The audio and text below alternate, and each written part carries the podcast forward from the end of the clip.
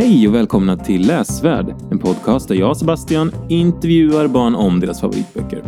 Med oss idag har vi Rickard som ska berätta om Eragon av Christopher Paolini. Tack så mycket till Gustav Lundberg som har hjälpt mig mixa och trixa med ljudet så att det låter snyggt. God lyssning. Hej och välkommen säger jag till Rickardsson. Rickard. Skulle du kunna berätta lite eh, om dig själv lite snabbt bara? Eh, jag är 11, snart 12 år och eh, jag bor här i Göteborg och går i Frejaskolan. Mm. Och eh, kan du berätta lite om vad du brukar hitta på på fritiden utöver att läsa bok? Jag sitter nog hemma och tittar på serier och kanske går ut ibland och cyklar då. Mm. Vad tittar du på för serier? Eh, Dragon Ball Z, Ah, okej. Vem är din favoritkaraktär? Goku. Mm, min också. Vad ska du läsa för, eller berätta om för bok idag? Ja, det är Eragon. Arvtagaren heter den. Mm. Och eh, hur fick du reda på den boken?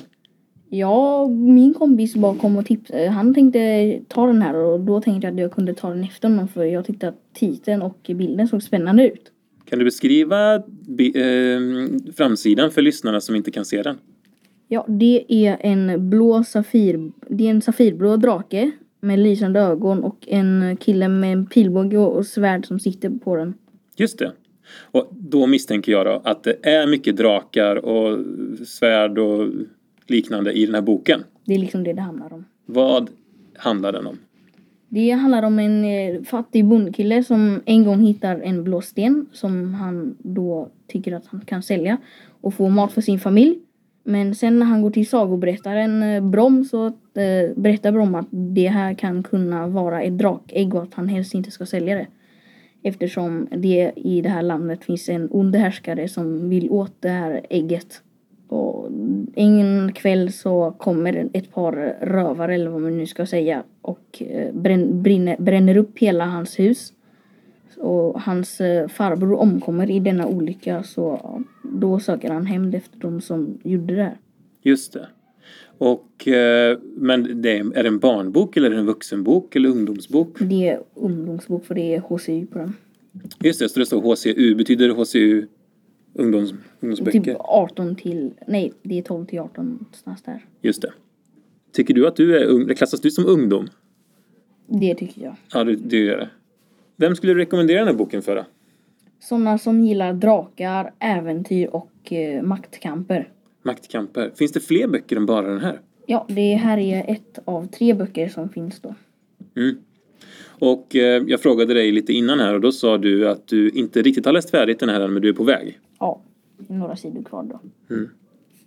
När du har läst klart den, tänker du läsa tvåan då? Det är självklart att jag kommer göra Det är självklart för dig. Ja. Och trean sen också då kanske? trean också. Ja.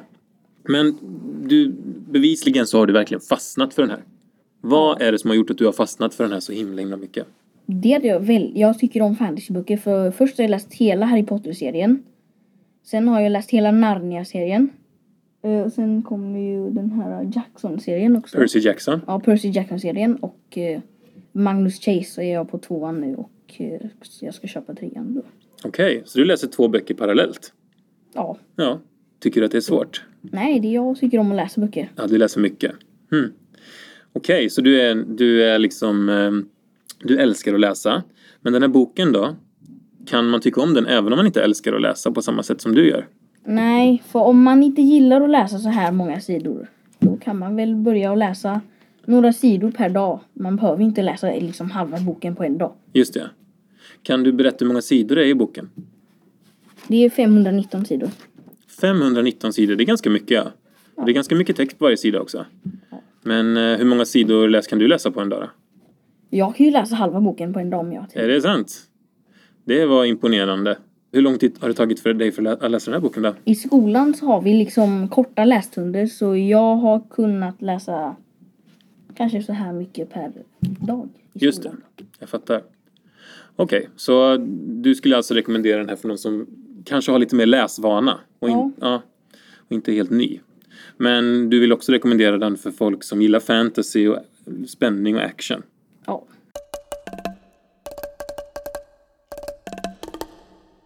Jag skulle vilja veta lite mer om handlingen i den här boken. Kan inte du utveckla handlingen lite till? Vad händer sen senare i boken? Jag förstår ju att det, blir en, att det är en stor drake med som kommer som han sitter och rider på. Eh, Det är det att ägget kläcks och då får ju sagoberättaren reda på att det har kläckts ett ägg. Ägget kläcks och att det är en drak, det är ett drakägg. Så eh, han försöker ju hålla hem, det hemligt för alla i hela denna byn då för eftersom han vill inte få att den onda personen här får reda på att ägget är kläckt och ska ta det ifrån honom. Mm, okej. Och en dag så får han veta att det här sagoberättaren är ingen vanlig sagoberättare utan han är en drak, en före detta drakryttare som har slutat jobba med det. Så dra- den här drakryttaren börjar ju träna med honom om de magiska kunskaperna och det gamla språket. Så han får ju reda om hur magi ska användas och först börjar han med att lyfta några enstaka stenar och sen kanske han lyfter upp ett helt stenblock. Och han lär sig ju också använda sitt svärd som han får av denna gamla drakryttare.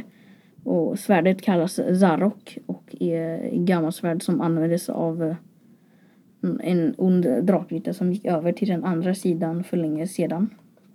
En gång när de skulle vara ute och rida till en annan stad så fick de ett överfall av skuggan Durza och eh, fas, nej inte fasarerna då. Urgalerna. De blev överföljda och eh, hamnade i fängelse där i staden. Eh, där de fängslades och där fick de reda på att, sku- att de hade, låst, de hade had- haft en alv i fängelset också. Och eh, att alven jobbade för Varden som är motståndare, motståndaren mot eh, kungen Galbatorix. Så ja, det är det jag kommer ihåg just nu. Mm, det händer väldigt mycket alltså. Ja. Ja. Men är, är storyn komplex eller är det liksom ganska rakt berättande? Komplex betyder att den är, vet du, känner du till ordet komplex? Ja. Eh, är, den, är den komplext berättad med många olika sidoberättelser och liksom fram och tillbaka i tiden eller är det väldigt rak berättelse? Det händer väldigt mycket per sida. Mm. Ja, så det är många händelser per sida. Okej, tack.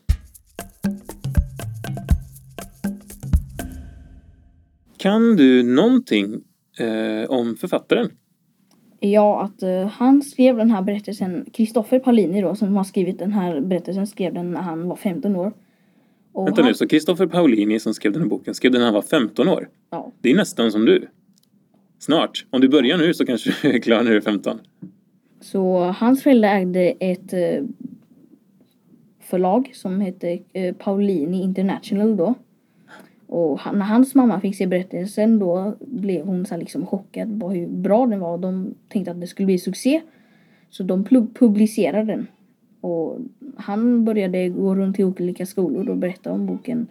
Och de andra tre böckerna som de hade på, publicerat då. När han var så ung? Ja, Jaha. och han och hans mamma arrangerade allt och så åkte de runt där. Okej. Ungefär när är detta? Vet du det? 2003. 2003. Så den är ganska ny. Den gavs ut här i Sverige 2006 5 Ja, okej. Kan du någonting mer? Har han, fortsatt, har han fortsatt skriva efter det? Jag vet faktiskt inte. Nej. Men jag tror jag kan kolla upp det någon gång om han har skrivit någon bok så kanske jag kan läsa den också då. Just det.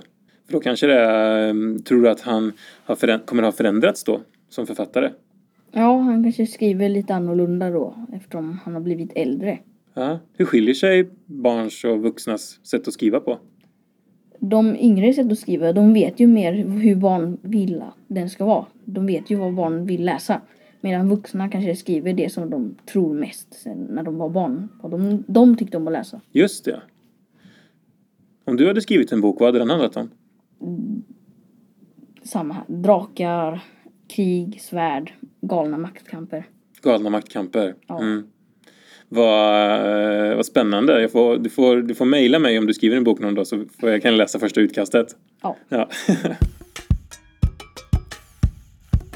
Okej, Rickard. Nu ska du få läsa lite för oss.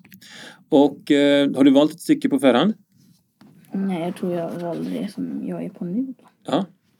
Kan du berätta lite om vart vi är i berättelsen? Så nu har Eragon tagit sig till Varden som är motståndarlaget mot eh, Galbatorix, den onda kungen. Då han har sökt frilejd här och ska få hjälp av dvärgarna i Trondheim och kung Adjihad.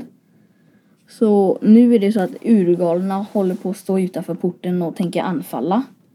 Och då det är nu de bestämmer vad de ska göra mot urgalen. Om de ska rimma rymma ut eller ska de kriga mot dem. Okej. Jörmundur böjde huvudet över, huvudet över kartan och granskade den noga. Vet du hur många urgalerna är? Har de Galbatoriks trupper med sig? Vi kan inte planera försvaret förrän vi vet hur stor deras armé är. Ajihad svarade olyckligt. Trots att våra liv hänger på dessa frågor är vi osäkra på svaren. Vi har inte en chans om Galbatorix har utökat urgalernas led med sina män. Däremot kan vi vinna om han avstått från den, det. Antingen det nu är för att han ännu inte vill avslöja sitt förbund med urigalerna, eller av något annat skäl. Varken Orin eller alverna hinner nå oss med hjälp. Trots det har jag skickat löpare till bägge med nyheter om vår belägenhet. De slipper åtminstone överrumplas av om vi faller. Han tog sig för den kolsvarta pannan. Jag har redan samrått med Rottgar och vi har bestämt oss för hur vi ska gå till väga. Vår enda hopp består i, alla i att vi lyckas hålla urgalarna i tre av de större tunnlarna och leda dem ut till Fartendur så att de inte svärmar runt som gräshoppor i Trondheim. Eragon och Aria, er behöver jag för att hjälpa dvärgarna att rasera alla överflödiga tunnlar. Det är övermäktig uppgift som är gängse medel. Två grupper av dvärgar är redan igång. En utanför Trondheim och en under staden. Du ska arbeta tillsammans med gruppen utanför Eragon. Du hjälper gruppen under jorden, Arya. Orik visar er vägen. Varför inte rasera, rasera alla tunnlar istället för att låta den, störst, den största vara? Frågade Eragon.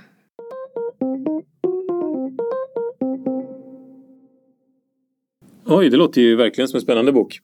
Det verkar ju vara mycket action och det var en del svåra ord också. Eh, brukar du slå upp de orden du sätter på som är lite svåra eller? Ja, Mm. då brukar jag slå upp dem och se vad de betyder. Just det.